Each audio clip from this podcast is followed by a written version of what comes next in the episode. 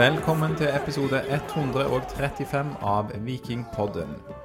I dag er det 28. august 2022, og Viking har dessverre tapt 2-1 på hjemmebane mot Vålerenga.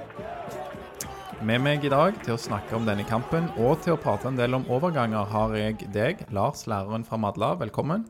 Takk for det, Aleksander. Utrolig hyggelig å være her. Bra, det er godt å høre. Og god oppvartning i det hele tatt, så det er veldig Ja, fint. du har fått rundstykke med tacosaus. Ja, det var Det- veldig flott. Det er en, en favoritt for, uh, hos Lars. Så hvis dere kjenner Lars, eller vil bli kjent med han og vil uh, gjøre han glad, så server det rundstykker med tacosaus. Så uh, blir han glad. Men vi er ikke alene her, Lars. For vi har med oss eh, Werner Engø Hansen, som er, jobber i Lyse og er ansvarlig for de høye strømprisene hos eh, Lyse. Velkommen til deg, eh, Werner. Takk for det. Takk for det. Du har, du har bytta litt rolle da, internt i Lyse siden sist. For du var jobba mer i, i ledelsen før, og nå du, har du fått mer som prisansvar.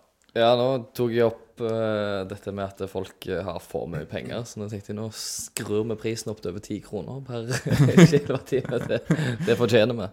Ja, og det, det er din avdeling. Altså, du er leder for den avdelingen. Ja, nei, jeg er absolutt ikke noen leder, og heller ikke noe med Du, strøm. du får provisjon, sånn, så du får Jeg får provisjon, ja. Jeg gjør det. Yes. Ja, det er bra. Ja. Men du har hatt ei bra helg eh, da, Werner, og du har jo eh, jobba for eh, Lyse denne helga på Utopia, stemmer ikke det? Eh, stemmer. Lyse og Altibox eh, sin stand på, på Utopia, så det var veldig gøy. Passer det Mye nå så det ikke blir sånn sponsorinnhold her, Aleksander. Ja, men eh, vi, vi jobber jo og lander med å lande Lyse som generalsponsor til Vikingpodden, så nå er vi bare litt sånn på forskudd Stemmer. Nå snakker Men, de opp. men jeg hør, hørte rykter om at du traff på eh, daglig leder i, i Viking. Eh, fikk du noe ut av han? Nei, det var ikke mye å hente der. Jeg tror han skulle rekke Jeg vet ikke, jeg husker ikke hvem som spilte, da. Men så ut som han skulle rekke et eller annet, så han uh, spankulerte forbi og hilste på en. Så Og daglig leder i Stavanger kommune, Kari Nessa Nordtun, hun var der òg. hun var òg der. Hun Ja. var også der. Det var mye folk på, på Utopia. Veldig gøy. Vi bør jo komme oss over på kampen, da, men den er så begredelig at det å snakke litt om Utopia, det hadde jo vært eh, bedre. Men eh, for de som eh, er glad i Viking og ikke bor i Stavanger, så er det jo da en festival som er, har vært arrangert noen ganger før. Og nå klarte de å arrangere det igjen. Og det er utsolgt og greier, tror jeg. Ja da, og med hell. Ja. Så det er godt. Eh, Men vi skal snakke om kampen, og vi skal snakke litt om hva vi får se av eh, Viking fra start i dag, da, mot eh, Vålerenga. Vi ser jo da blant annet en debun, debuntant, debutant som har vært i Viking bare noen dager, og det er jo Nå skulle jeg faktisk til å si Sammy Skutte, men det er en annen, og de er ikke i slekt. Det er Nathan Skutte. Han er finsk. Skutte. Skutte. Um, så det, det er jo kanskje den overraskelsen i uh, startelveren i dag. Um, er det noe, noe annet du har lagt merke til der, Lars? Eh, ja, du sier jo overraskelse. På en måte, ja. Men uh, samtidig, Frid Jonsson har forsvunnet ut, og det kom en spiller fra eh, Toulouse eh, inn, så eh, på en måte Hvis det er noe vits å hente en spiller på korttidslån uten opsjon, uten opsjon på kjøp, så må han være såpass god at han går rett inn på laget. Så Men Werner, er ikke du litt enig med meg da at eh, det er ikke åpenbart at man skal rett inn på laget når man har bare vært på plass noen dager? Gi det ti dager da, kanskje? Så, eller, eller ei uke, i hvert fall. Jo, jeg eh, syns det det er, litt, det er litt spennende å på en måte hive han rett inn. De må jo stole ganske på hans kvaliteter for å gjøre det. Eh, så åpenbart er jo dette en fyr de har fulgt en stund og vet at de kan trø inn med en gang. Altså, som, som Jensen òg sier i, i intervjuet med oss etter kamp, er jo at han kjenner jo ikke navnet på spilleren. og han sjøl bomma vel pust på navnet, eller det er sånn nesten. Du var på en måte usikker på hva, hvordan vi skulle uttale navnet. sant? Han har kommet på fredag, ikke sant? Og, og kom inn og, og gjør egentlig en god kamp òg. Jeg syns han eh, gjør det bra. Så de gjorde riktig da i å starte han, syns jeg.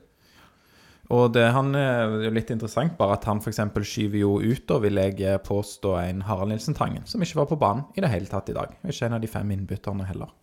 Nei, Tangen eh, Ja, har vi snakket om det før. eh, Litt skuffende sesong. Og har slitt en del med sykdom og, og sånn, så Ja, man kan får jo håpe at han kommer seg eh, i løpet av de siste elleve kampene. Mm. Så er det jo sånn at når vi får utdelt eh, startoppstillingen til dagens kamp mot Vålerenga, så eh, vet vi ikke helt hva vi får av, formasjon. Det kan jo være en eh, 4-3-3, eller det kan være en 3-5-2. Men Lars, er det noe helt annet vi får?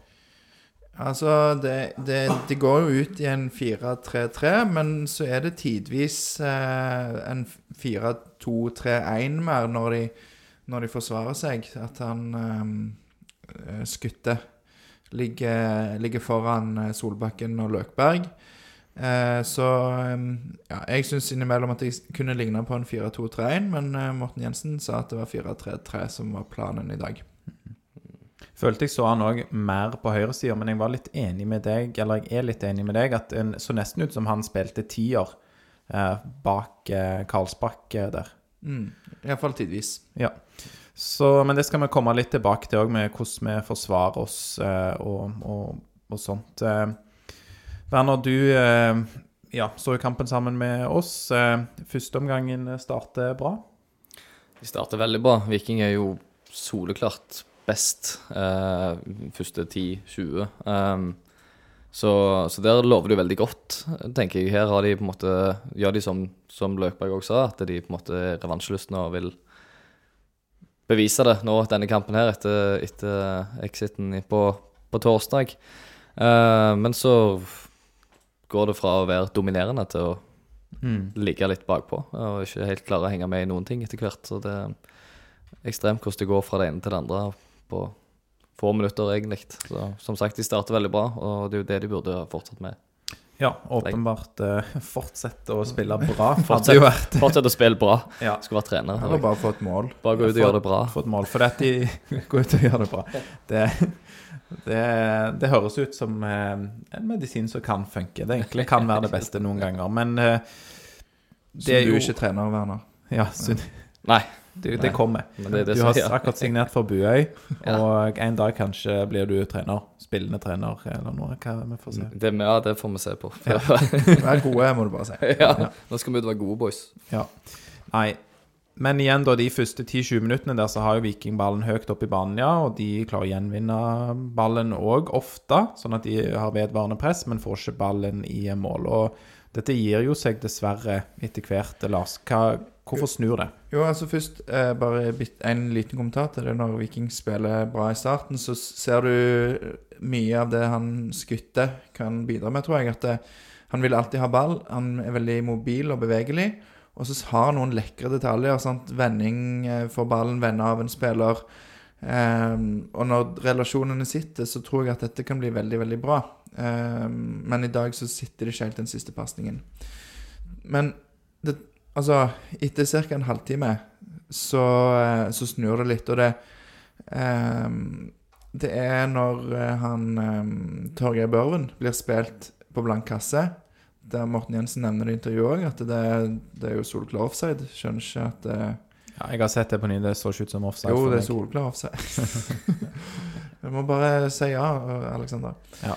Eh, ser ut som solklar offside, og Gunnarsson eh, alene med Børven, eller omvendt. Og så redder Gunnarsson skuddet med en, en fot han legger igjen. Så en kjemperedning. Men så liksom overtar eh, Vålerenga etter det. Og momentumet snur i kampen. Um, og da plutselig liksom det som har funka bra, det, det funker dårlig. Og ja, Vålerenga treffer bedre med presset sitt. Og i det hele tatt eh, så har de en trollmann på kanten, så Mm, de har det, og vi ser jo det. Vi kan vel bare hoppe rett til det, da. De skårer jo i det 35. minutt, eh, Vålerenga. ja. Det er Sarawi eh, på venstrekanten til Vålerenga som Han dribler både Bjørsol og Brekalo på ræva og skyter han inn i Altså, han får gå gjennom hele forsvaret og skyter han i mål. Mm. Løkberg ligger jo òg på Raua i 16-meteren der på et tidspunkt. Han, han, han ble dribla på Raua på avstand. Men jeg følte det var noen som faktisk sleit med fottøy. Lurer på om han var en av de, eller om jeg eh, Ja, det var noen sånne snublinger og sånn utpå der i dag. Men jeg vet ikke hva det er. Tørr, tørr matte Nei, ja. Ja. Ja. Det, De har spilt der før, så de burde jo kunne ha på riktig eh, skotøy, i hvert fall. Men ja, eh, Sondre Bjørsvold ble bare dytta vekk av Sarawi. Og går skuddet mellom beina på Gunnarsson? Så noen det? Ah, det er et godt spørsmål. Det vet jeg ikke om han går på sida eller mellom. Det det kan se litt sånn ut. det er ganske tett på, i hvert fall. Ja. Det er godt gjort av Sarawi, men jeg syns det er et litt sånn eh, Ja, han er god teknisk og god å drible og sånn, men det, det er litt Litt for enkelt generelt i dag, syns jeg, for en del Vålerenga-spillere bare gå. Altså, de får lov til å gå og, og drible en to-tre mann. Jeg skjønner ikke Er de så gode?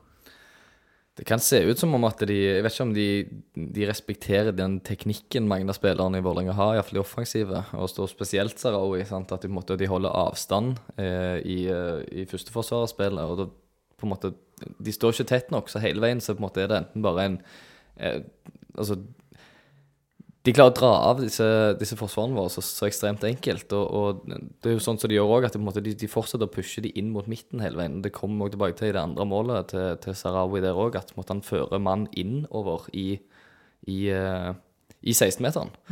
Og da, altså, når, med en høyrebeint Sarawi, som òg er ekstremt teknisk god, så, så må det på en måte tettere opp inn når det kommer, kommer til de. Og jeg tror det var litt problemet hele veien. Uh, at de, ikke, de, de rett og slett ikke tett nok i, i Og redd for å være tett fordi at man ønsker å ta ut nok eh, rom for å ikke bli fraløpt eller runda. Ja, for det, det er jo problemet hvis du støter for mye, så er det en vending eller en teknisk detalj, og så er han forbi. Og særlig ehm, det andre målet etter hvert, så er det liksom Da er det jo fort gjort å lage straffe. Altså, sånn, det er jo det som er nok Med det der lave tyngdepunktet òg, så er det liksom Ja, vendingene blir annerledes å hanskes med, og Vanskeligere. Men nei, jeg reagerer jo på, eh, på noe av det samme. Eh, vi ser jo òg, kanskje når Haugen kommer inn, Herman Haugen, at han eh, klarer å bite litt mer ifra seg. Liksom Han eh, trykker til en hodeduell og er helt fair og clean på det, og så blir Sarawi liggende i gresset. Og det var kanskje du, Lars, som nevnte hva ville Rolf Daniel Vikstøl gjort? Ja, du burde fått sånn armbånd. Nei, ja, hva Ja, bare én kontant takling, liksom, i starten for å sette deg litt i respekt. Altså sånn Du kødder ikke med meg, da, da smeller det, liksom. Du tørre å risikere et gult kort eh, tidlig mot den type spillere, og vise Ja, Ja. på en måte. Og så er det jo det der å få et gult kort tidlig mot Sarawi er ikke en drømmesituasjon, det heller, da. Så det er liksom Nei, å finne ja. den, akkurat den der balansen med at en, en tøff og fair takling som Ja, du kan godt lage frispark, men vil ikke ha noe gult. Men det er jo det som er kanskje da, at eh, hvis du hadde gjort det de første to-tre minuttene, så er det sjelden at dommerne tør å gi gult kort så tidlig. Ja, men så er det ingen av de som går i kroppen på han heller skikkelig, liksom. At det, det, det er rett der med den respekten med at de setter seg på en måte så langt ifra spilleren for å ikke bli runda. Men så ser du når Haugen kommer inn, sant? så på en måte han går rett i kroppen på ham med en gang. Og du, du, han klarer ikke å dra han av når han på en måte har en mann i kroppen. Nei, og du ser at Jeg føler Sondre liksom prøver å være opp igjen og plage han og akkurat gjøre nok, men det, det er noe han behersker, da. Sarawi. Og for all del, en spiller med gode individuelle ferdigheter. Eh, Ekstremt. Men jeg skjønner ikke hvordan Bjørsol Foss, eller Sondre han, han går så sykt på trynet der når han blir uh, runda på kanten før, På før første målet, Ja, på første målet.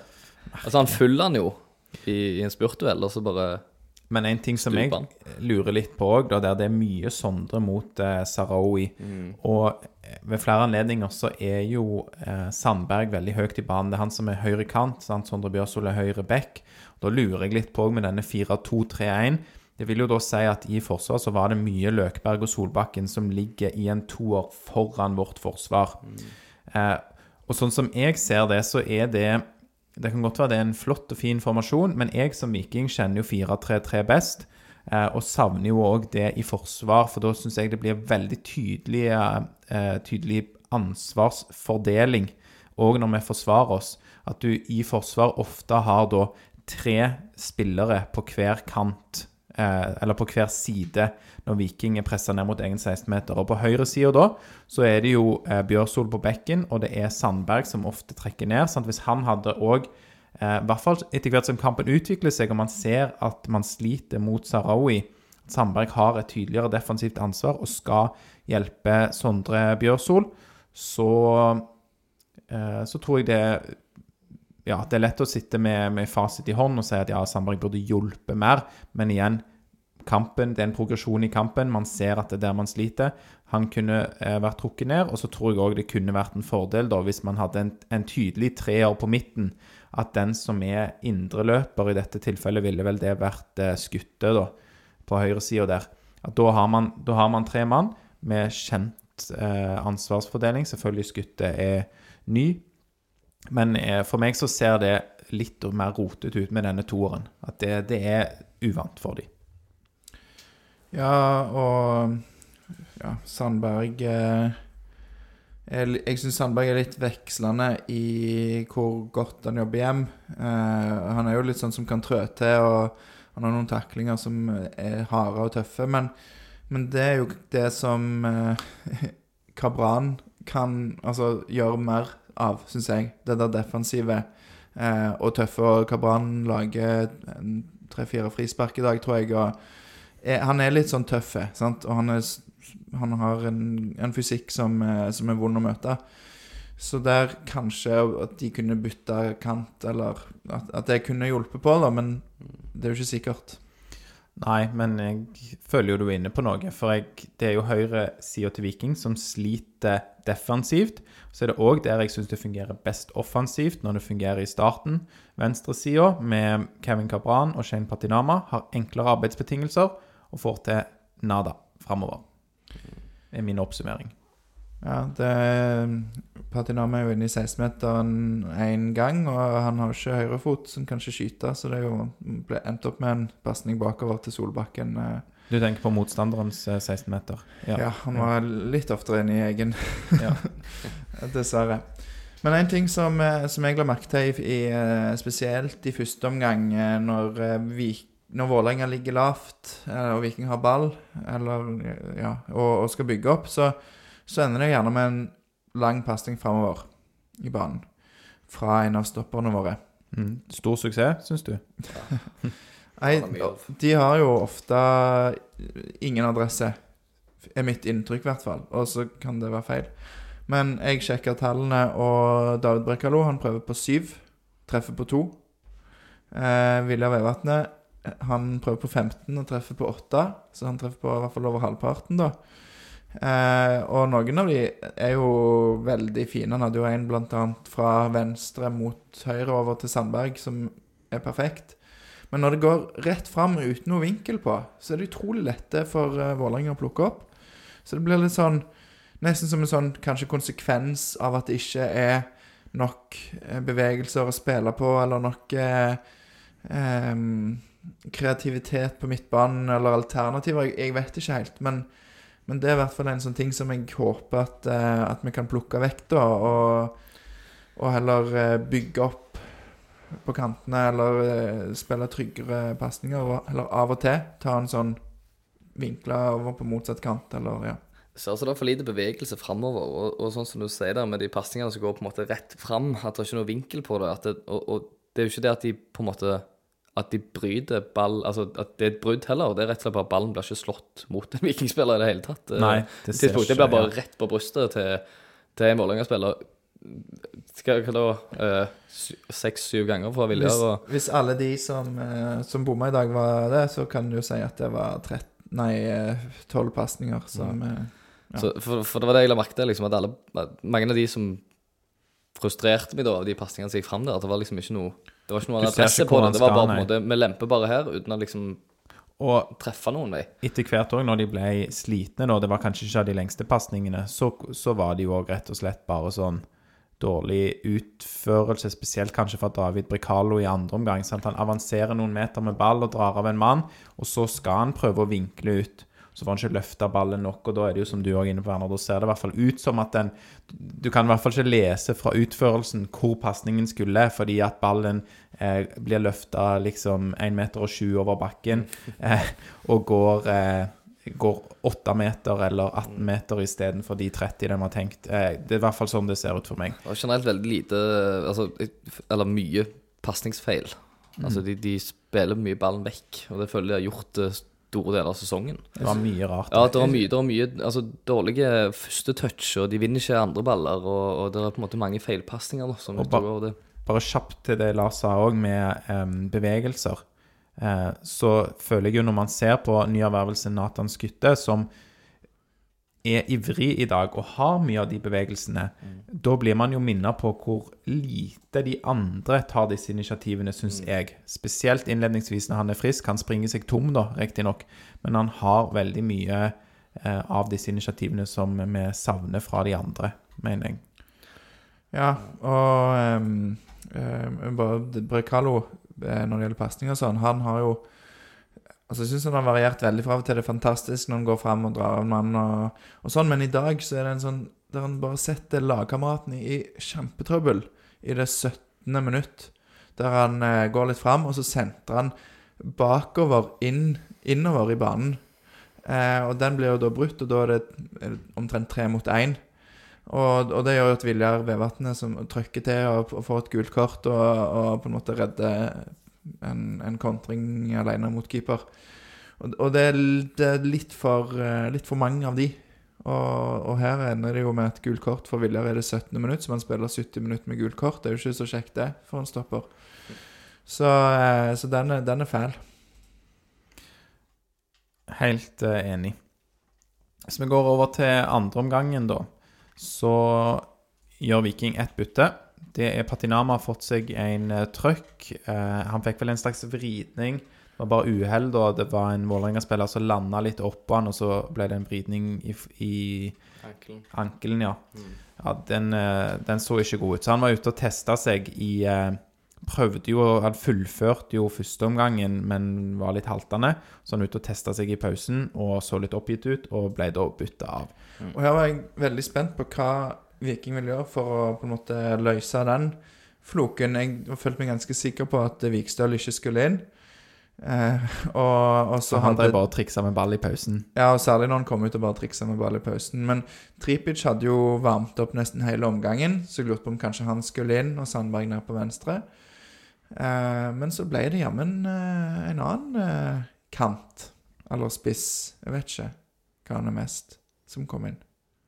Jeg vet ikke hva han kan vel definere seg som sjøl, men Edvin Austbø har spilt mest kant i Viking. Mm. Og det var jo et lykkelig bytte, det. Altså, ja, vi kom ut til det. Han skåret jo et mål. Mm. Men uh, før han skårer mål, så skårer Saroui ett til.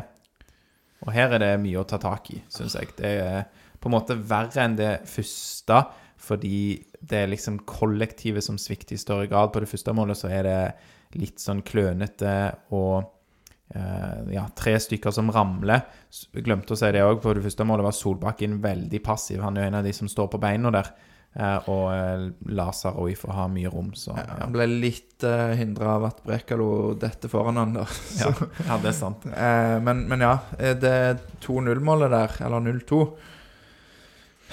Ja, der, eh, der står jo Viking eh, Altså, Viking prøver jo å presse høyt, og så spiller de seg av. Jeg lurer på om det er Hedenstad som, eh, som drar Altså som bare går enkelt forbi Løkberg.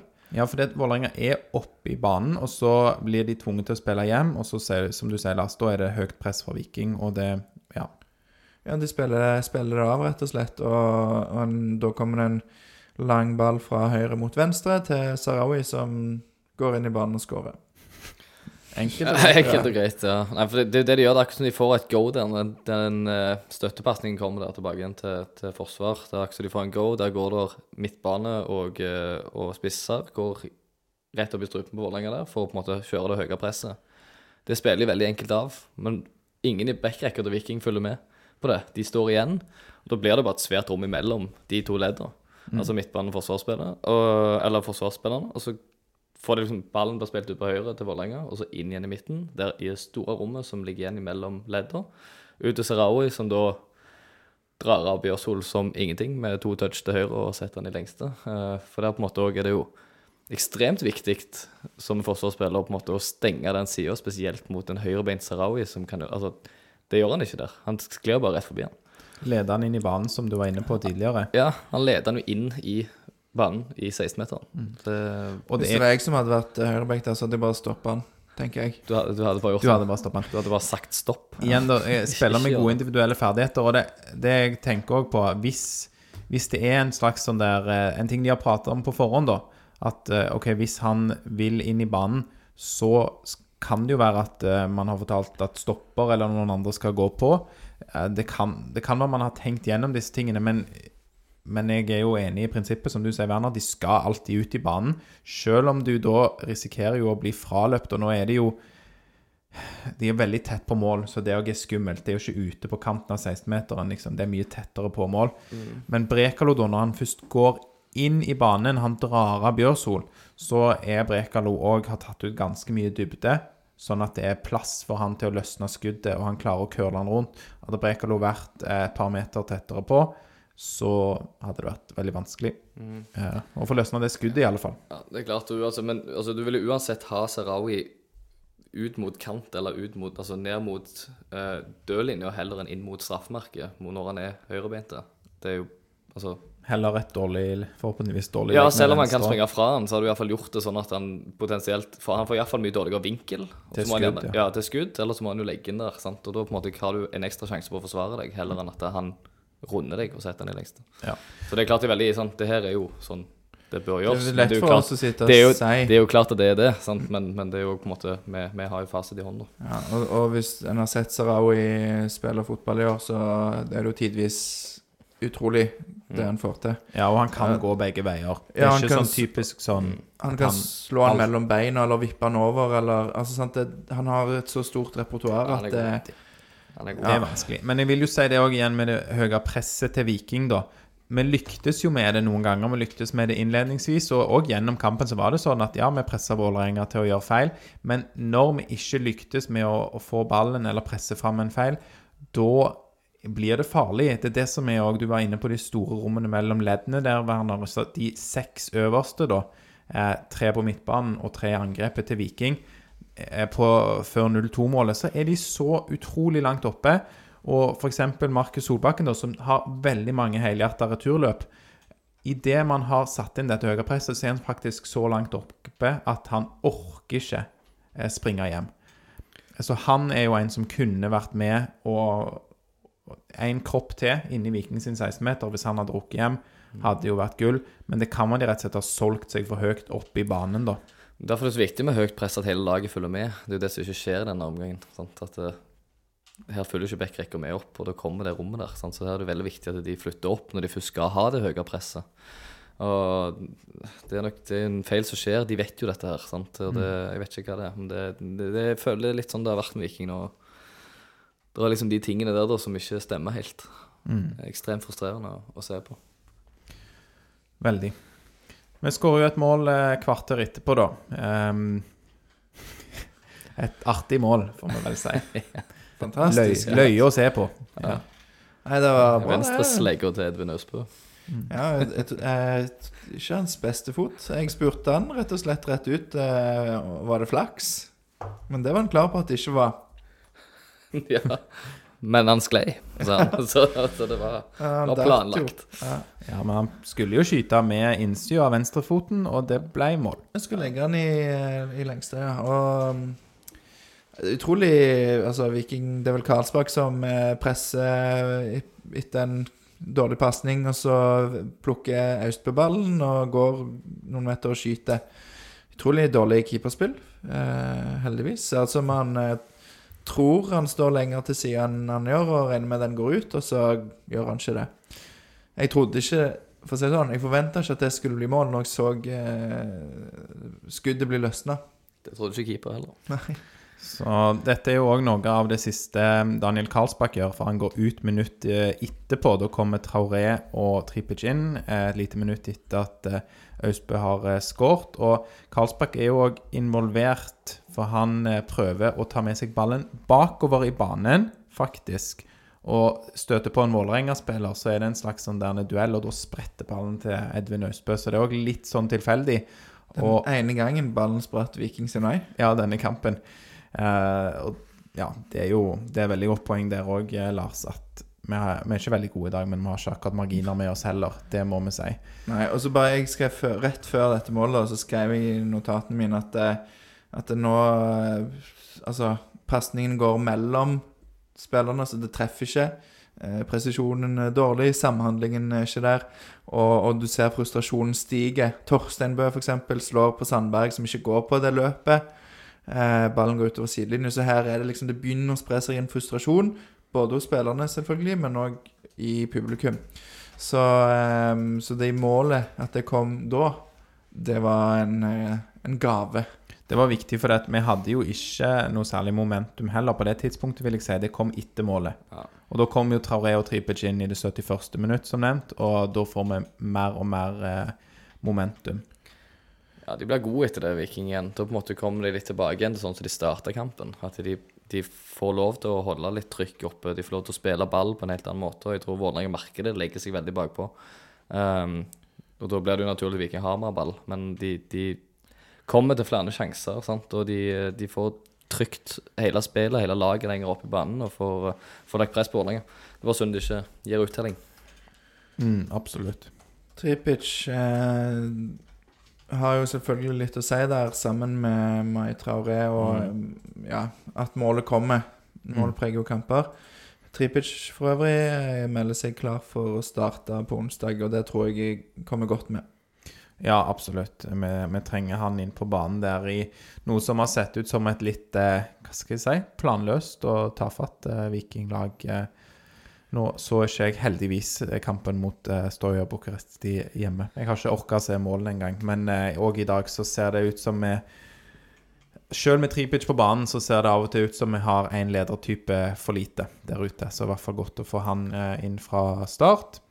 Eh, av de som kommer inn, så er det vel eh, Traoré og Austbø som er nærmest, da. Eh, Austbø får jo et mål, men er, i hvert fall har ett farlig skudd i tillegg. Og Traoré er jo veldig nære ved et par anledninger, headinger. Utrolig eh, dårlig gjort av Mai Traoré å filme sånn. Utrolig Ja, det hadde han, ja. det Ja, her. Er Ja. det mulig? Og gi gult kort på filming utenfor 16-meteren. Jeg kan ikke huske å ha sett så mye av det i det hele tatt. Men, Men, Og det er jo ikke filming, men- Det er jo ikke filming. Nei, nei, det er jo klart, men det er jo det han får gult kort for. Ja. Altså, det er klart, For det første er det jo ikke filming, så det gule kortet i det hele tatt er jo feil. Men Det er ganske vilt av dommeren Ja. å, å, å gi gult. Altså eh, For å si det sånn, filming eh, er jo en uting. Og når, når det er kontakt, så er liksom da kan du nesten ikke gi gult kort for filming. Men her er det ingen overspilling av, uh, av Tauré, som, som prøver å få noe frispark. Han blir tråkka på og, og, og detter. Mm. Så dere går på denne situasjonen som er de i 78. minutt, der han får gult kort. Og kan du bare sitere VG Live, som forhåpentligvis er ganske nøytral i dette her. Der står det Traoré går ned i duell med Udal. Udal er borte i Traoré, men Vikingspissen får likevel gult kort for filming. Så det er liksom Det er helt Du ser på det, så ja, hva er det dommeren holder på med? Og det som er fint her, er jo at de viser denne situasjonen eh, På stor på stor skjerm. ja. Et par repriser av den, og da bryter jo stadion ut i unison buing. Og dommeren må jo bare skjønne at OK, her har jeg dritt på draget. Igjen. Men er det altså gult kort for filming utenfor 16-meteren? Altså, jeg skjønner, jeg skjønner at du gir det inni for du prøver liksom å filme deg til en straffe og sånne ting, men det skjer jo hele veien at folk overspiller, eller spiller og overspiller og, og filmer ute på banen. Ja, det er lov. det er jo aldri gule kort som blir gitt for det. Han, må jo, han bør jo i hvert fall ha en viss grad av usikkerhet i den beslutningen, for det er jo feil.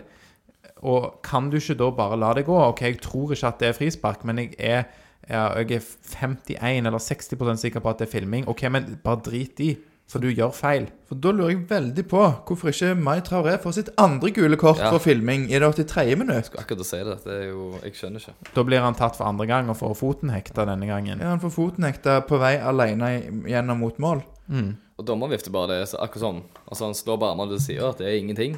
Men hvis det ikke er noen ting, så burde han jo gitt det gule kortet for filming. I hvert fall når han har lagt lista der. ja, ja, det, nei, jeg skjønner ikke hva det går i. Nei, grusomt. Vi fikk jo spørsmål om det eh, Vi skal ta spillerbørsen etterpå, men eh, dommerbørsen fikk vi også spørsmål på Twitter om vi kunne ta, og jeg vet ikke, jeg eh, Det er vel Altså, de treffer jo på noen kast, liksom. Det er jo noen kast som går riktig vei, og de, de klarer jo å gjøre noen ting der. Dommerteam. Ja, dommerteam utpå der. Eh, og det er jo det som er fint òg, at det er jo ingen av disse nøkkelsituasjonene der Vålerenga skårer som er feil, ei heller der Viking skårer. Der er det, det er fair. Men på slutten der så er det jo bare Ja, er det mm, Mister du helt. Han mister det, og det er det vi kaller lurer på Snakket om det, Lars, om det er det vi kaller omvendt kompensasjonsdømming. Han skjønner at han har gjort feil. Han har gitt eh, straffa Viking, da. Eh, og, eller unngått å blåse frispark og, og sånne ting. Og da skal han i hvert fall ikke kompensere ved å la oss få noe frispark i neste situasjon. Det blir en slags sånn der psykologisk øvelse for dommeren at han må i hvert fall ikke utjevne bare for å, å utjevne dømmingen. Så da blåser han istedenfor enda mer i Vålerenga sitt favør. Ja, for kanskje liksom Da man tenker sånn Det var kanskje litt dumt at jeg ikke ga gult kort til Stefan Strandberg når han dytter og slår for femte gang. Opp i Kan- ansiktet på Karlsberg. Ja, kanskje jeg, ikke, kanskje jeg burde gi et gult kort.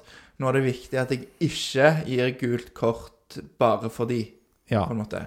Når vi er inne på dommeren dette, eh, akkurat nå, og med tanke på at han ikke blåser for ting Når du kommer til uttaling av tid òg i dag Altså, hvor mange ganger skal han blåse i fløyte og si 'kom igjen'? Kom. Akkurat som det hjelper. Du Ja. må jo slå ned på det. Til og med det ene byttet Vålerenga har på slutten av kampen der. Det Så er det liksom sånn Stadion, stadion buer sånn for at han bruker lang tid på å gå av. Og dommeren springer bort til Jeg husker ikke hvem som ble bytta av nå, men Tobias Christensen. ja, sånn, Han, han springer bort til han for å si 'nå må du skynde deg', og så er det fortsatt hva det var, 25 meter igjen til, til sidelinja. Og så velger dommer å bare gå på sida av han. Helt. Det var jo veldig fint Det- gjort av liksom- dommeren, da, for det er jo litt ensomt eh, den lange turen å ta den alene. Så kunne få litt støtte og kanskje en hånd å holde i og ja, Ah, få en fin jeg eh, jeg reis, reise av For å si det sånn, så er det jo mange situasjoner her der dommeren kan hva skal jeg si, igjen eh, prøve å gjeninnføre sin autoritet, eller hva, gjenvinne jeg prøver å si, sin autoritet der ute. F.eks. ved å gi gult kort eh, når du nok en gang blåser frispark da, for at Strandberg er oppe med armene i hodeduell. Ja, hvis du gjør det nok ganger, så kanskje du bare skal gi det gule kortet. Spillerne vet jo at de drar ut tid, sant? så det er ingen hensikt for dommer å bare si 'nå, nå må du skynde deg'. Og så bruker de enda lengre tid, så, ja. ser, og så blåser han i fløyte og sier 'nå må du skynde deg'. Ja. Og så skyter de ut til slutt, keeper f.eks., og så skjer det igjen neste gang. Gjør han det samme igjen gang på gang på gang. Han fikk jo til slutt gult kort for uh, uttaling av tid, keeper, men, uh, men det er det er en del spillere der som skulle hatt gule kort etter hvert. Vi spurte jo òg en, en, en kontakt som vi skal la være anonym, men som har dømt på toppnivå i Norge, liksom. Hva, hva står kampledelsen i andre omgang til på en skala fra 1 til 10? Var det én Lars som ble meldt? Ja, det var vel eh, Han har sett, se, se, han har sett veldig mye fotball eh, på alle nivåer i år, og dette var det verste. Eller noe av det verste. Noe, bare Ja. som er presise. Men jeg mente det var én i kampledelse, og eh, kanskje en eh, Ja, dette blir min vurdering, da, at det er en, eh, en toer eller en treer. Fordi de får noen kast riktig, da, som trekker opp. Hva er ene karakter bare for å ha fysisk møtt opp til kamp? Ja. Ja. Mm. Det er helt drøyt. Så, men eh, jeg vil jo bare Jeg vil si òg Nå skal jeg være forsøk på diplomatisk. Det er jo ikke dommeren her som gjør at Viking taper denne kampen, men det er bare frustrerende. Det er som Klart et sånt tilleggselement. Eh, så ja. Og Særlig med torsdagens kamp friskt i minne. ja sant, vi hadde trengt eh, marginer her. Så Men jeg syns jo vi ser eh, en del bra da i slutten av kampen. Jeg syns Torsteinbø mm. Han har eh, Han har ikke veldig mye fart per nå, i hvert fall. Det, han har jo nettopp vært skada, så det kan jo være at det kommer litt tilbake igjen, håper jeg. Men han har en enorm ro, og, og, og Et fotballhode, Ja. som, som er veldig bra. For, for eh, sånn, det er litt panikk inni 16-meteren til Viking. Eh, Solbakken får en dårlig touch, og så spretter han litt. Og så tar bare Torstein bare helt rolig og slår han forbi liksom tre Vålerenga-spillere fra 16-meteren inn til Gunnarsson. Mm. Så Gunnarsson kan slå han ut uten at det er farlig. Mm. Og han klarerer under press, så klarerer han ballen rett opp til Tripic, eller hvem det er som spiller gjennom til, til Traoré. Så han kan starte et angrep i en uh, klarering. Der er du inne på noe, for der syns jeg flere er nødt til å bli bedre. Når det gjelder klareringer og eh, på en måte hoveddueller som bare altså Der eh, Bricalo og Viljar Vilja som går opp i de Altså for å vinne hoveddueller, eller at ballen kommer høyt, at de vet hvor de skal heade han hen. Head, altså, head, head den i beina på noen, ikke bare stang til ball, og så bare vent på han skal lande en plass. For jeg ser sånn som Strandberg f.eks. i Vålerenga. Både i Vålerenga og på landslaget, la jeg også spesielt merke til i de landslagskampene som var sist, at han, han er ekstremt god på å ta de, uh, altså de høye ballene som kommer inn, og så header de ned i beina på en lagspiller hver gang, sånn at de beholder ball. Og Viking vant ekstremt få andre, andre baller i dag i det hele tatt. Eh, og du vinner, du vinner ikke kamper uten å vinne andre dueller. Altså det, Nei, andre, andre ballen er viktigere enn første ballen, ja, faktisk. Altså, det høres få veldig kontroll på ballen. Ja, det, det høres veldig rart ut, men uh, Men ja, hvis, man, hvis det er en duell, hvis det er utspill, sant, og den første duellen uh, så I hvert fall så lenge det er press på den uh, si en Vålerenga-spiller vinner, så lenge det er press på den spilleren, så har det ikke så mye å si nødvendigvis om man vinner den duellen, så lenge man ikke vinner den på den måten som de ønsker. Hvis man er under press, så bare OK, du vant en hodeduell. Men da er det som du sier, Werner, andreballen er jo essensiell, for det er gjerne da at du får tatt den ned, eller du får sentra eh, gitt den videre til en lagspiller sånn som du ønsker. Så ja. Ja. Og en eh, som vinner en duell som ikke gir en andreball eh, i det 26. minutt, er Mai Traoré. Det heter rett utenfor på et innlegg fra, fra Austbø, tror jeg. Eh, godt innlegg, god heading. Og der skulle det vært mål.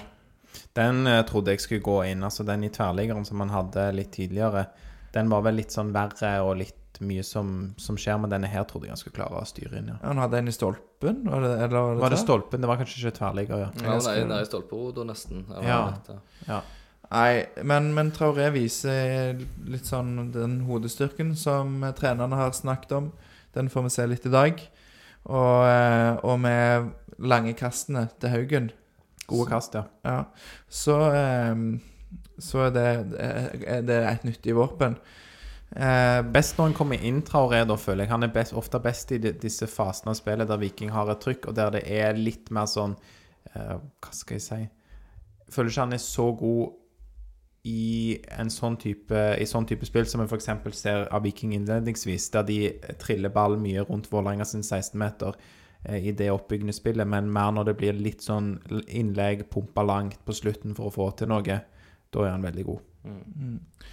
men skal vi ta eh, Vi må nesten eh, ta runde av kampen. Vi snakket lenge nok om det, men bare ta én siste. Altså Det var jo en kjempesjanse til Torstein Bø på slutten, bare så jeg får sagt det. Der han vanskelig riktignok prøver å vippe han over. Han må skyte, liksom. Strekke foten forbi en Vålerenga-spiller. Så, så det er muligheter her, og det er de vi må utnytte bedre. Og da hadde det gjort seg med en, en eh, målsnik av en spiss som, som kan sette de. Vi kan diskutere det litt etterpå. Skal Men- snakke om overganger. Burde Patrick Gunnarsson fått rødt kort? Ja, for her tenker du på at han kommer opp på det som jeg tror er kampens siste sjanse, eller det er vel corner helt på tampen. Han kommer opp og skal gå opp i en hodeduell. Det er vel òg en andre ball, der han går litt opp med armene som hjelp. Ja, det er Som en keeper ville gjort. Liksom. Ja, litt som en keeper i eget felt. Ja. i feil felt. Men det er jo liksom hvis du skal hoppe opp, så, eh, tar du gjerne armene opp liksom for å ta dem ned. Litt sånn typisk. Men, men her er det Han tar armene opp, og så vet jeg ikke om de er liksom borti armen. Men det er ikke sånn at han slår med armene. Men det er noe med at han stanger bakhovet i um, Holm Mm. på Vålerenga. Det er jo helt klart uh, altså, hode mot hode her. Uh, sånn som når jeg har sett en del ganger. Jeg klarer ikke å se om han sneier ansiktet med albuene, hva det er, men han går jo opp på en måte med armen. Sånn som jeg ser det, så går armen forbi ansiktet, og så klakker de hovene sammen. Og, og det ser du òg av det båndet han får rundt, eller den bandasjen han får rundt hodet, Gunnarsson etterpå, at det hadde de jo ikke gjort hvis det kun var på en måte at han har vondt i hodet. Han viste det jo fram i pressesonen etterpå. Det var, det var jo helt klart. Ja, Men ja. Det er jo ikke rødt. Han skal ikke noe rødt kort for de greiene der. Gult er riktig, det. Ja, jeg syns det, det er greit nok, det. Kunne kanskje gått opp annerledes, men samtidig så Mitt inntrykk i hvert fall at den går ikke opp hensikt om å skade, eller med liksom Nei, jeg, syns jeg har sett Jeg har lest eh, det at noen sier at ja, dette skulle vært rødt kort, og det er jeg helt uenig i, og det et par grunner til det. Det første er jo at ja, det ser veldig klønete ut, og det er fordi at han er keeper og ikke vant til å hoppe opp på den måten, men det er flere utespillere som hopper opp med armene til hjelp, og det kan være farlig. Gjerne bare tenk deg du står i ro, og så hopper du, og så løfter du begge albuene. Det kan være skamfarlig, liksom. For Hvis det kommer noen inn der som går inn med hodet og prøver å treffe, så er albuen der oppe for å beskytte deg. Men da kan du jo, eller for å få spenst, da, og litt òg for å beskytte deg, eh, så gjør enkelte spillere det. Men da kan du jo spørre, hvis du hopper opp på den måten, men ingen treffer de albuene, hvor ofte får man rødt kort i eget felt fordi om du har hoppet opp med armene, men ingen traff de? Så det å rope på at Gunnarsson skal ha rødt kort når han er oppe med å ha armene til hjelp, men ingen traff armen Hadde albuen truffet han i ansiktet, så er det jo soleklart rødt. For da går han jo opp med albuen først, sant? og det er det han gjør her. Men den treffer jo ikke. Så jeg ser er det, så treffer ja. han ikke. Nei, Ja. sant? Og så er det hodene som treffer sammen. Og som du Han- sier, det skjer hele veien ut på banen. Mm. Uh, så nei, jeg, jeg ser det ikke som rødt kort, selv om mange mener han bruker albuen til våpen. Uh, Skal vi si at den, den er litt i grenseland, og jeg er glad at han ikke nei. fikk rødt. Men jeg, jeg var litt sånn så at jeg trodde kanskje at det var Holm som skulle få gult kort for filming, for det om kontakt eller ikke har ikke noe å si, tenker dommeren om det er filming. Så Ja. her er ja, Mm, lite stikk til dommeren der ja, for deg, Lars. Men ja, den eh, svir nok. ja, den, ja, nei Nei eh. Neida. Men eh, vi taper. Kjedelig, kjedelig. Ja, vi gjør det. Det er mange som òg er dårlige på Viking i dag. Vi nevnte noen av byttene. Mye positivt eh, der. Fra Haugen med lange innkast, litt bedre kontroll på høyresiden. Eh, Torstein Bø god.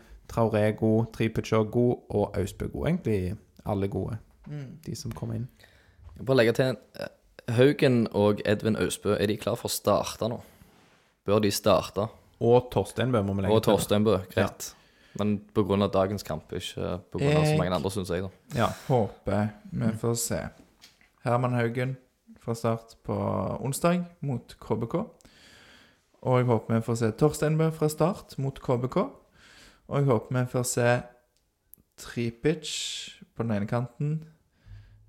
Og jeg vet ikke hvem- Vil du ha Jeg, jeg, ha- tror ikke Austbø starter. Nei. Eh, Det hadde vært gøy hvis han gjorde det. Så kanskje jeg vil se han fra start opp. Altså, onsdag. jeg tenker det, du kan fint starte med han istedenfor Kevin Cabran eller Niklas Sandberg. Jeg holder jo en knapp på Sandberg foran Kabran, da, men eh, ja. Ja, i denne kampen mot KBK, som er et lag en, en skal slå, bondelaget, liksom, så er det jo Ja, men Da føler jeg kunne gjerne ta litt sånn ungdommelig pågangsmot. Hva tenker du om Austbø, da, som stiller spørsmålet her, Werner? Jeg, jeg syns han burde få lov til å, å starte. Uh, jeg syns han gjør det godt nok når han kommer inn. Det er klart at han er ung, og du skal liksom ikke pushe for mye på. Så det er akkurat hvis, når det kommer til det, så, så kjenner du ikke jeg han sant? sånn som treneren gjør. Og hvis de føler at det ikke er tidsnok Altså det er, ikke, det er ikke rett tidspunkt for han å starte på ennå pga. at det er mye press på unge spillere, så er nå det greit. Men kvalitetsmessig så syns jeg han er klar til å starte. Både han og Haugen Haugen er nesten på overtid nå, føler jeg. Nå burde han få lov til å få sjansen fra start. Ja. Det eneste er at det kan være en fordel å gi han en hel andre omgang heller enn en hel første omgang. Litt for det du ser, sånn som du sier, beskytte de unge spillerne, og litt for at Viking kan f.eks. ha en fysisk Kevin Cambran da, for å bare sikre at vi får den kampen inn i vårt spor, men da må jo Kevin være påskrudd, da. Så, eller ha en god dag, rett og slett. Ja. For han har fysikken, men det blir ikke så mye med det. Så ja. Vi har nevnt litt av disse innbytterne som har vært blant de, eh, de gode, men vi skal ta kjapt på børsen. Vi har jo da eh, Nathan Skutte som banens beste i dag for Viking. Ville du sett noen andre der som BB-verner, eller er du happy med Skutte? Uh, ja, jeg syns det er fair. Han uh, Altså, i tillegg til at han spiller en bra kamp, så er det jo også sett i lys av at han på en måte nettopp har kommet. Han kjenner ikke spillerne, relasjonene, navnene engang til mange av de, sant? Så, så det er ekstremt vanskelig for han å komme inn. Men å komme inn så tidlig og gjøre en såpass god kamp som han gjør, så syns jeg han er banens beste. Og han, du ser det på en måte i tyngdepunktene hans. Han drar av folk, han er god i pasningsspillet. Han, han, han er rett og slett Han er best i dag av de som er på. Enig. Jeg syns han evner å være både solid og leken på en gang, og har mye initiativer. Og, ja. Så um, vi satt jo og vurderte um, Edvin Austbø, som får en omgang, og som òg er, er god, men jeg holder også en knapp på skutte framfor Edvin i dag. Eh, liten høne å plukke med deg, eh, Lars. For du har jo stått fram tidligere som Kevin Cabrans eh, store forsvarer. og jeg syns jo at Kevin var veldig, veldig svak i dag. Jeg må bare si det. Og vi, han ender jo opp med en firer på børsen. Og Hvorfor leser du ikke det som står? Du har skrevet ja, jeg kan lese det. Noen ganger er bare Kabran bås. Var det det du tenkte på? Ja. Altså for, at um, For ofte så syns jeg òg at han får ufortjent mye tyn. Men sånn som i dag, så vet jeg jo at du syns Kabran f.eks. spilte bedre enn Daniel Karlsbakk. Og jeg syns jo han Karlsbakk er en del hoder foran eh, Kevin Kabran. Jeg, ja, det var, det var så tynt i dag fra Kevin Kabran. Ja, og jeg kan jo si at jeg er ikke enig med Eller det var én kamp i fjor der Kabran bare var bås. Ja. Da, da eh, kom han inn til pause i kampen etterpå mot Sarpsborg, tror jeg, og skårte og feira med sånn hysj eller eh, Ja. fingrene i øret. Um, så da var da var han eh, bås. Kampen før det. Mm.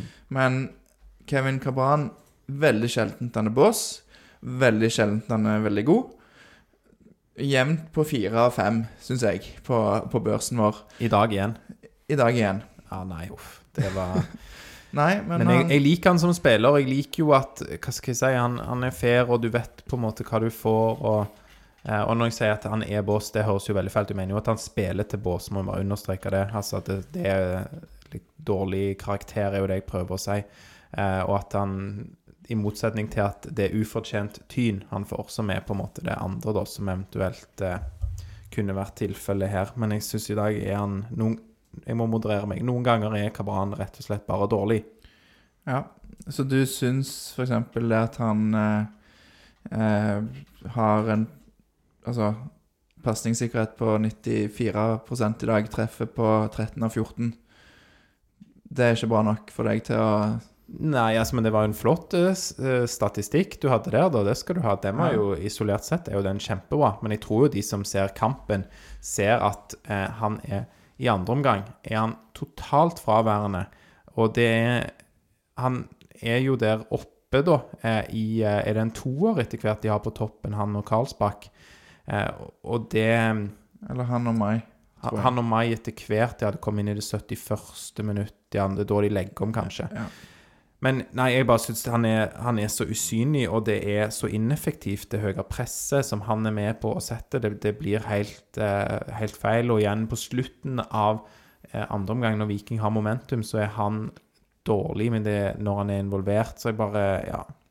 Mm, men, men han uh, Ja, jeg syns han eh, har eh, Altså, han har det at han mm, sjelden spiller vekk ballen.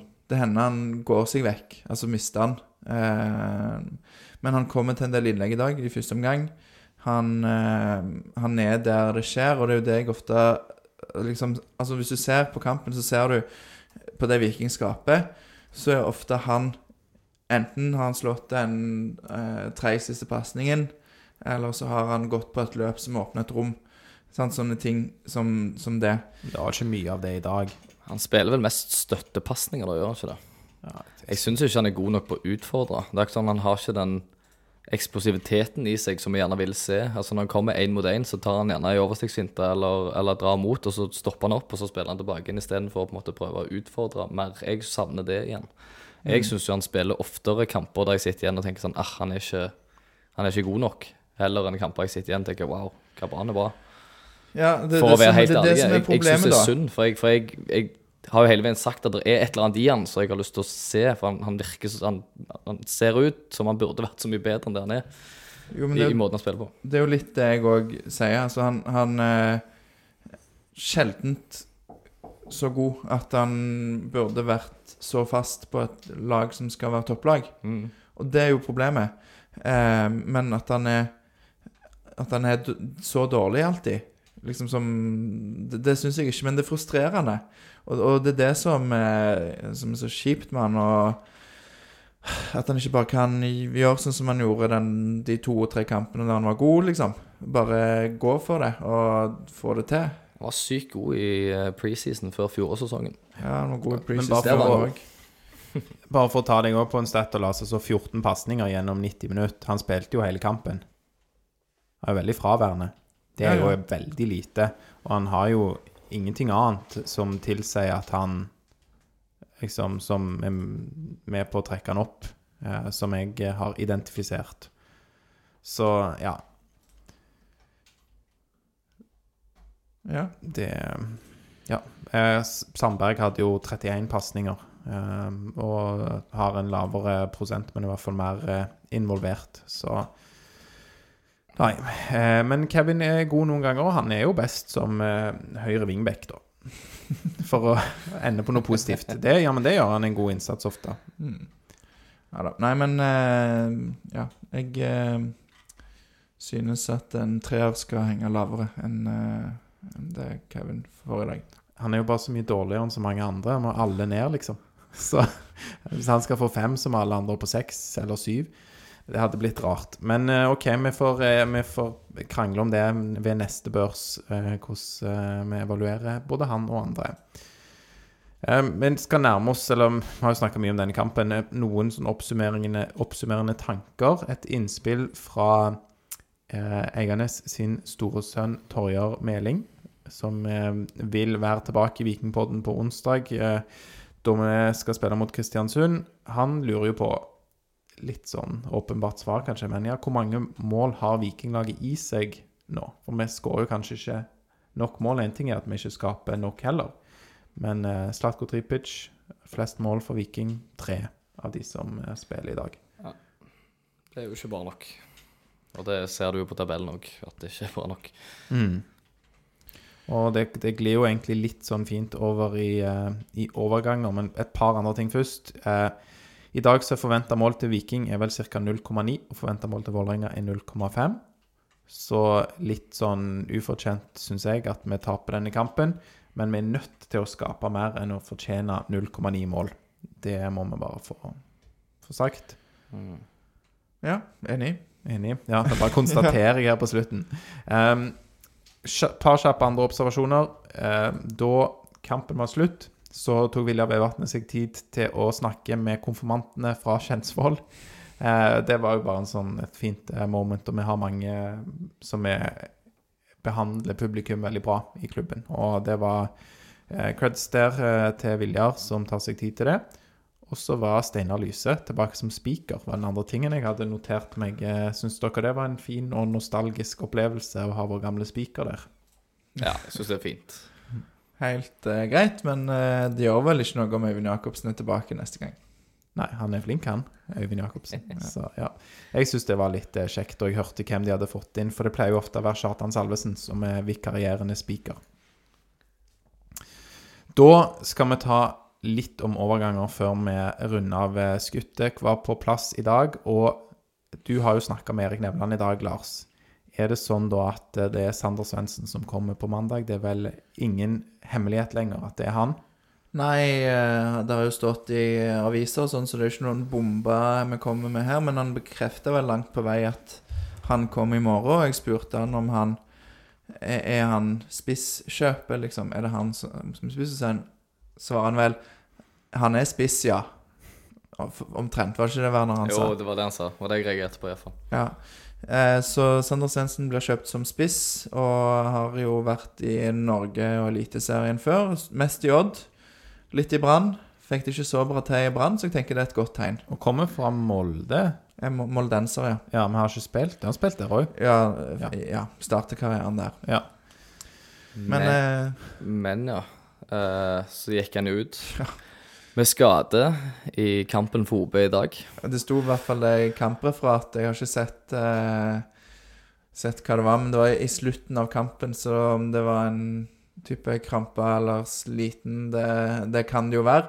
Men det jo, hadde jo vært litt utgjort, liksom, det, denne Så. Sånn Viking 2022, eh, at det er da en langtidsskade på Sander Svendsen som gjør at han ikke kommer likevel, og så må Viking starte på scratch igjen tre dager før uh, overgangsvinduet stenger. Det hadde jo vært uh, typisk. Det hadde vært kjipt. Det kan jo være at dette er gammelt nytt når folk hører det, for uh, de fleste hører nok denne episoden mandag 29. Eh, og det kan jo da være at da er overgangen bekrefta, eller vi vet mer om denne skaden. Men eh, det ville jo vært utgjort, ja, hvis det var noe alvorlig. Ja, vi vet jo ikke om det er alvorlig. Vi vet jo heller ikke om det var taktisk fordi han skal vekk, at de tok han ut på slutten Mm. som skade. Det vet vi ikke. Vi får jo håpe at det er det, da. Ja. om ikke annet. Hva, hva Men- tenker dere om å få han inn, da? Ja, for jeg har Positive. sett at det har vært veldig delte meninger om dette på, på Twitter, faktisk. Altså, Mange er jo veldig negative, men noen er òg positive. Jeg må si jeg kjenner han ikke godt nok, men tallene er jo ikke sånn kjempeoppløftende Som målskårer, da, eller? som målskårer. Men han har spilt mest kant i Eliteserien, i hvert fall i Odd. Og ehm, ja, han har Altså eh, Det er litt sånn jeg, jeg klamrer meg til håpet om at Morten Jensen og Bjarte Lund Aasheim har ønska seg Sander Svendsen fordi at de vet hva han har å tilby. Og så er det òg dette med at han ikke har så gode tall fra Brann, som gjør at jeg har litt eh, håp. For det er flere som ikke har gode tall fra Brann, det er sant. Ja. Ja.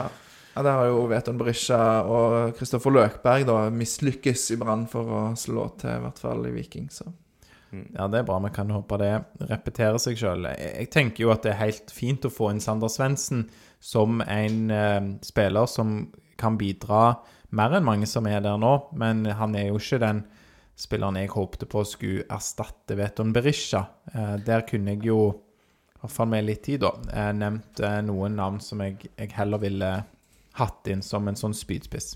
Det er det som må gå igjen på, på Twitter, og sånt, at folk reagerer på at dette her, er, dette her kan ikke være erstatteren for Veton Berisha, som gikk. Men men jeg, så, jeg kjenner heller ikke Sander Svendsen godt nok. Jeg husker han ikke igjen fra Odd, men det var vel åtte mål på 28 kamper, eller et eller annet sånt. Kan det stemme? Ja, Eh, men hvis det var sånn at han spilte wing, så er det for så vidt helt greit. Da er det Ja, greit. tall. Greit, Men. Det som er litt sånn positivt, er at han var et veldig stort talent. Mm. Eh, som har eh, Eller hadde i hvert fall sånne gode ferdigheter. Noen, har hatt noen kamper der han har virkelig vist. Så det er sånn at kanskje han kan få det ut i Viking, da. Det er jo det Må jo være et håp. Mm. Men jeg er litt enig. Det er litt sånn Er det en spiss som kommer som ingen kjenner til eller har hørt noe om, så er det litt sånn Å, spennende og gøy. Mm. Men her er det en spiller som er ganske kjent, og ikke liksom eh, Hva skal en si Ikke tenner noen sånn voldsom gnist, eller eh, Entusiasme rundt det hele. ja, Fram til han kommer da og skårer hat trick i første kamp. Ja. Men det kan jo bare minne om at det gjorde vel òg en viss Mammen Yang for noen år siden, så det trenger ikke å bety en, en Nei, vi skal levere litt over tid. Men ja, vi får jo håpe at det blir bra. Og jeg tror jo at folk ville vært mer positive hvis de signerte eh, Markus Menert fra Ranheim, liksom.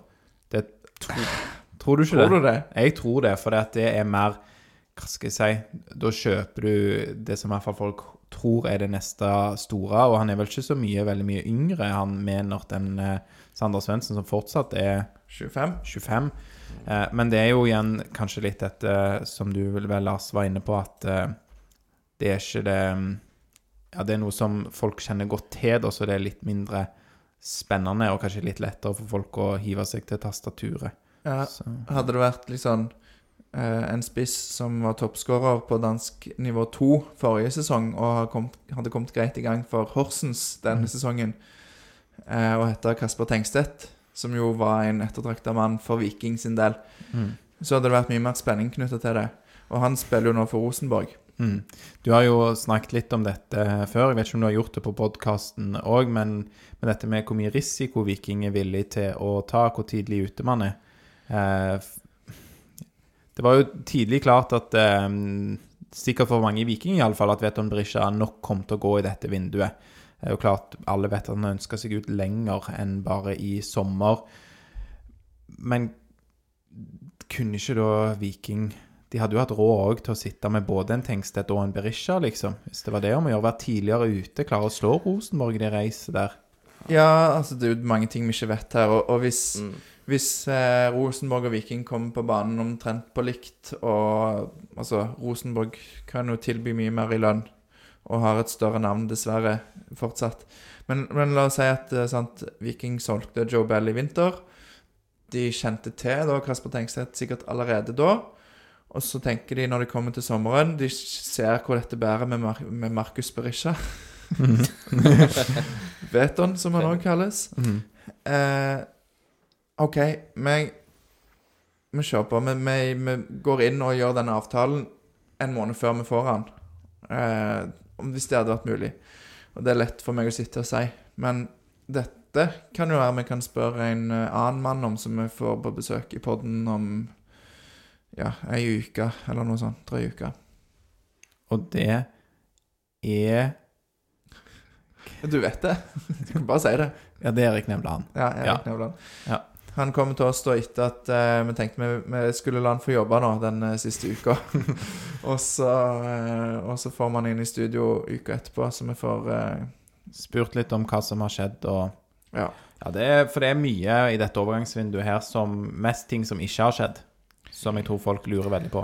Det er der frustrasjonen ligger, at vi ikke henter noen før eh, altså de viktigste kampene De viktigste kampene Viking har spilt på mange år, altså da før Støva-oppgjøret. Ja, for det er der folk snakker om denne risikoen òg, at de ikke på en måte kunne hente inn der og så risikere å bruke litt mer penger enn de kanskje hadde sett for seg, for å gjerne sikre gruppespill i Europa, som da hadde gitt enda mer penger igjen. sant? Så, så jeg, jeg skjønner jo frustrasjonen veldig godt. og Jeg har jo sjøl sittet og revet meg i håret på Twitter og oppdatert en milliard ganger til dagen for å Ja, for Og å, håpe at det skal komme inn mm. noe. Og jeg skjønner òg det at ja, du spiller mot eh, eh, Nå holdt jeg på å si Dinamo Zagreb. De har vi ikke spilt mot. Vi har spilt mot Stoja eh, Bucuresti, og vi har spilt mot Sparta.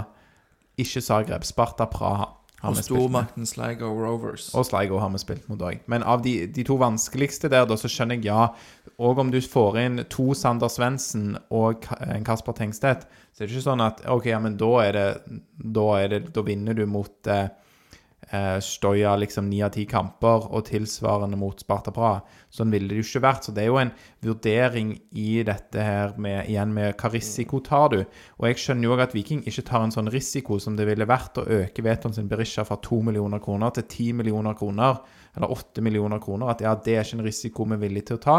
Blant annet fordi at han er jo òg bare én person eh, og én spiller, og så hvis han da er skada i ett år, liksom, så, så skjønner jeg at det, de pengene ønsker man å, å bruke annerledes, og at derfor så, så spiller han i Sverige i dag.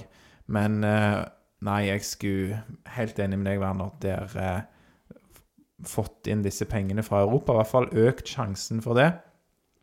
Og òg klart å holde koken i Eliteserien.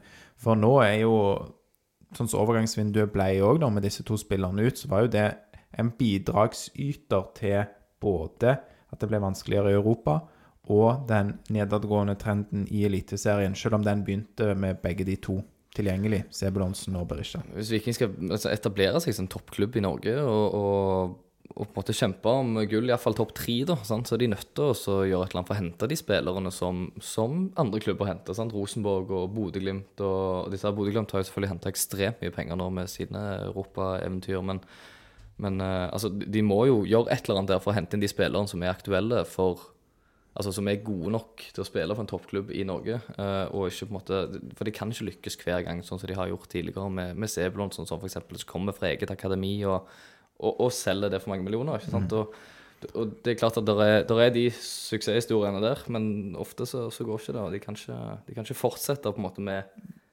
den strukturen på det så lenge hvis de har tenkt faktisk å være den topp tre-klubben som de håper på. Det er jo altså Bare for å gi creds òg til Sola, da, så kommer vel ikke Sebu Ja. fra eget akademi, men han er lokal, da. Ja, ok, ja, greit nok. Ja. Greit nok. Men, men det er sånn som òg irriterer meg litt, at en må se på, se på Bodø-Glimt som betaler og kjøper eh, spillere. Mm. Det er jo først nå i år, litt i fjor, at de har betalt for spillere. Altså de har henta Kasper Junker kom fra et eh, mislykka opphold i Stabekk. Eller jeg vet ikke hvor mislykka det var. Eh, Bøtte inn med mål. Eh, altså de, de har jo henta spillere som ingen har troen på, så har de fått dem til å passe sitt system. Og det er jo litt det Ja, Viking må gjøre. altså. Ja. Bodø-Glimt, ja. Viking må jo være god på å finne de rette som, som de har råd til. Og så, når de begynner å etablere seg i toppen og La oss si de hadde klart Europa nå, da, da har du litt marginer, og da kan du bruke litt mer. Men, men, eh, men det er vanskelig, det, det der. Altså, det er mange ting som spiller inn, men òg at en ikke bare satser over evne. Så den der kritikken med at eh, se hva Bodø-Glimt gjør nå, den syns jeg i hvert fall er uberettiga. ja, det blir jo veldig rart, ja. Ja. Så um, vi kan jo ikke kjøpe noen for 10 millioner en gang. Det bør vi vel ikke gjøre. Jeg mener vi kunne kjøpt Kasper Tengstedt for 10 millioner, du ser hvor god han er. Ja, det er klart vi ikke kan sammenligne oss med Bodø-Glimt sånn, sånn per nå, sånn som ting står nå. Sant? Men det, det, er jo, det er jo som du sier, det er jo poenget det er jo at de òg har henta spillere som på en måte ikke har vært de største der og da, men som har lyktes. Men Erik Sånn- sånn- Botheim var bås i Ja. Stabæk. Ja, ja, det er for helt 100 millioner et år utrolig. etterpå. ja, Nei, det er jo helt drøyt. utrolig historie. Men det er klart at som Werner, du nevnte de lokale spillerne. Sånn Sebulonsen, Heggheim, eh, som går ut. Eh, kanskje har vi noe, noe gull i Tangen, forhåpentligvis, hvis han kommer og er like god som han var i fjor. Eh, og så er det jo disse suksesshistoriene med, med Joe Bell og Gianni Stensnes mest sannsynlig, selv om han er skada nå. Eh, David Brekalo ser veldig, veldig god ut. Eh, men hvis du ikke får disse, da, som du betaler maks 2-3 millioner for, eller hva det er, så OK, så må kanskje noen da koste 7-8 når du har solgt et par spillere for 20. Ja, du må jo ta gambler litt av og til. Altså, Det er ikke det jeg mener, at du ikke skal punge ut. Men, eh, men jeg syns bare det er litt viktig å sette ting i perspektiv. Men hvor mye var det um, Ofkir fra Sandefjord, eksempel? Hva var siste budet Viking la inn på han? Det var ikke mye penger, var det? Det siste som har stått, var vel to millioner, eller noe sånt. Ja, Kunne de ikke hatt han for 4-5, liksom? Hadde ikke det vært f.eks. en sånn risiko man burde tatt? Jo, men er han god nok for å ta den risikoen? Er det han vi trenger? Jeg- Han vil jo ikke erstatte Veton, han heller. Jeg tror det er at eh, for Sandefjord er han like viktig som det Veton var eh, for Viking. Og at Sandefjord da har, når Viking har sagt eh, Kan dere selge off Kier for to millioner? Så har de sagt nei, det skjer ikke, vi skal minst 15. Mm. Da, det, sant, da, da gidder ikke Nevland å bruke tid på det. Det er bare tull. sant? Så god er han ikke, og da er det ikke vits. Det er jo noe med det òg. Eh, hva, hva blir du møtt med, og hvor mye skal du bruke energi på det? Jeg mener off Kier. eh, Ja, hadde vi fått han for en tre-fire, kanskje, opp mot fem, kunne vært verdt å ta den risken, fordi vi har få spillere som har målpoeng og kan skape noe. Men men det er liksom ikke han jeg ville satse på heller. Det er litt sånn eh, Ja, ja, det, det er litt Kevin Cabran, på en måte. Så det er veldig enkelt for Kanskje, oss. ja. det er veldig enkelt for oss å si liksom at det er på en måte, de, de byr ikke nok. Det er derfor de ikke får de der. Så, så, vi kjenner jo ikke detaljene i det, så det kan jo være andre ting. Det kan jo godt være at klubben gjerne har sagt greit, vi kan ta de pengene for denne spilleren, men spilleren vil ikke til Stavanger, f.eks. Og, det, og spesielt nå når de ikke er i Europa og sånne ting. De kunne, hadde de kommet til Europa, så er det jo lettere å lokke spillere òg, som, som kommer gjerne fra andre land da, til, til Stavanger. Men uh, nå Ja. er det typ midt på treet i Norge. Det er ikke Europa. De har selvfølgelig cupen å spille om, det er jo gøy. Eh, men det det blåser helt sykt her. Ja, det, det vet, det vet ikke de som ikke Nei, har vært der. Men eh, nei, det er jo som du sier, Werner, det ville vært veldig mye lettere å selge inn med et gruppespill i Conference League. Det ville det. Men at Veton Berisha eh, gikk til Hammarby, altså jeg, Jo mer jeg tenker på det, jo mer irritert blir jeg. Og så eh, kommenter, kommenterte han. Han kommenterte på Instagram liksom to blå hjerter når Viking la ut sånn 'takk for støtten' eller eh, 'reisen er over' etter tapet mot Støya. Han sa vel òg at det var rett tidspunkt for meg å dra på. Ja, det så, å, jeg blir så sur for det at bare du intervju kun, Kunne du ikke bare ha prøvd å fått Viking til Europa? Altså, Viking Nei, no, det snakker nok om han. Jeg gidder ikke bruke mer tid på det. Selv jeg som tok det opp, så beklager Han det. er jo en del av overgangsvinduet, han òg, på en måte. Men, eh, men ja, jeg er lei av hele greia. Det er veldig sant. Men det er vel bare ti millioner i hånda til han, liksom. Det er det Ja, som ja. gjør det. det, det Selvfølgelig, sånn rent rasjonelt. Og hvis du fjerner følelser fra det, så er det kjempeforståelig. Men fotball handler jo litt om følelser òg. Mest om følelser. Bitte Ja, nei, jeg en synes smule. også det er For oss helt- supportere, i hvert fall. Når, altså når han var tilbake fra Brann, så jeg, jeg syns jo det er helt sykt at vi havna der vi havna. At han ikke lenger spiller i Viking. Helt Gå eh, nå. Ja. Og, og i, igjen i Sverige og Danmark. Altså De ligaene er jo dårligere enn den norske, men eh, pengene rår. Ja. Ehm, fe- hørte du forresten at eh, Morten Jensen sa at de hadde gitt opp eh, medaljene? Ja, jeg hørte det. Jeg er jo, lever jo alltid litt i, i troen på at ting er mulig, da, men eh, Ja, vi er langt bak i poeng, i hvert fall. Ja. Men, Frustrerende jeg fikk så mange spørsmål om tror du på gull i år de første hva da, ti kampene. ja, Er det gull? den, Ikke snakk om det ennå. der vi var i Det er mai. Var. Mm. Ta meg tilbake. Ja. Men eh, nei, det er tolv poeng opp. Det er vanskelig, men vi har vel eh, igjen å spille mot Rosenborg og Lillestrøm. I hvert fall. Av de som ligger foran oss. ja, det er sant. Og Og nå tapte Rosenborg i dag, da, så det er jo en gave sånn sett. Det skal mye til, men eh, Løkberg han pleier å si at det er mulig, det er mulige, eller et eller annet. mm. Men da må vi vinne den hengekampen vi har, i hvert fall. Og så selvfølgelig men, det skal mye til å få en høst i 2022 som den vi hadde i 2021. Mm. Men vi får se. Nå er det noen dager igjen av overgangsvinduet. Vi vet i hvert fall at vi lager pod etter at eh, Kristiansund har blitt grust av Viking på onsdag. Mm. Um, Werner banker i Bank, bordet. bank. Og da kanskje har eh, vi signert ikke bare én, men to Sander Svendsen av det kaliberet, og en spiss som Ja. alle har supertroen på. Det blir eh, spennende. Hvis det, hvis det skjer veldig mye, så kan det være vi må sitte og følge med mens vi spiller pod, eller gjøre et eller annet ut av det. Vi får se. Kjapt spørsmål, Live da. deadline day pod. Ja, vi får gjøre det. Det kunne vi gjort. Nei, det blir Kristiansund-pod, men eh, anyways. eh, Jostein Ekeland eh, nå, eller om ved slutten av sesongen? Nå måtte man jo betalt. Jeg tenker det er hensikt nå? Sånn Ja, ja, Bare få han inn og få han til å liksom være med å spille i Viking og bli vant til det før neste sesong. Det er jo det eneste jeg ser. Jeg har liksom spilt han inn. Men, Mm. for, men nå er jo han er vel tenkt mest som en indreløper i Viking, og nå har vi hentet inn Skutte Mm. der. Og har eh, Torstein Bø, Solbakken, Løkberg, Tangen, eh, etter hvert Auklend, eh, Kviegskog. Eh, Sandberg kan spille der. Så du har ganske mange som kan spille på den indreløperplassen. Så når det ikke ble gruppespill i Europa, så da trenger vi kanskje ikke ytterligere bredde akkurat nå. Nei. Ikke i den posisjonen, tror jeg. Nei. Iallfall. Men uh... Nei, bakover kanskje. Vi trengte noe mer, men ja. Men hvis han gjerne vil, og vi kan få bare liksom, ja, 100 000 kroner til Sandnes Ulf Det er det vi tålt. Det, det tar ikke Sandnes Ulf akkurat nå, så får vi bare håpe at han velger Viking i det hele tatt, da. Eh, når de har jo lagt et tilbud på bordet, stemmer ikke det? De har lagt kontraktstilbud, ja. Ja. Men det er bra. Um, er det noe mer dere vil si da? Denne podkasten ble lang. Det ville du si. Mm. Ja, det stemmer, det. Det er um, kanskje langt nok. Ja, jeg har ikke noe mer nå.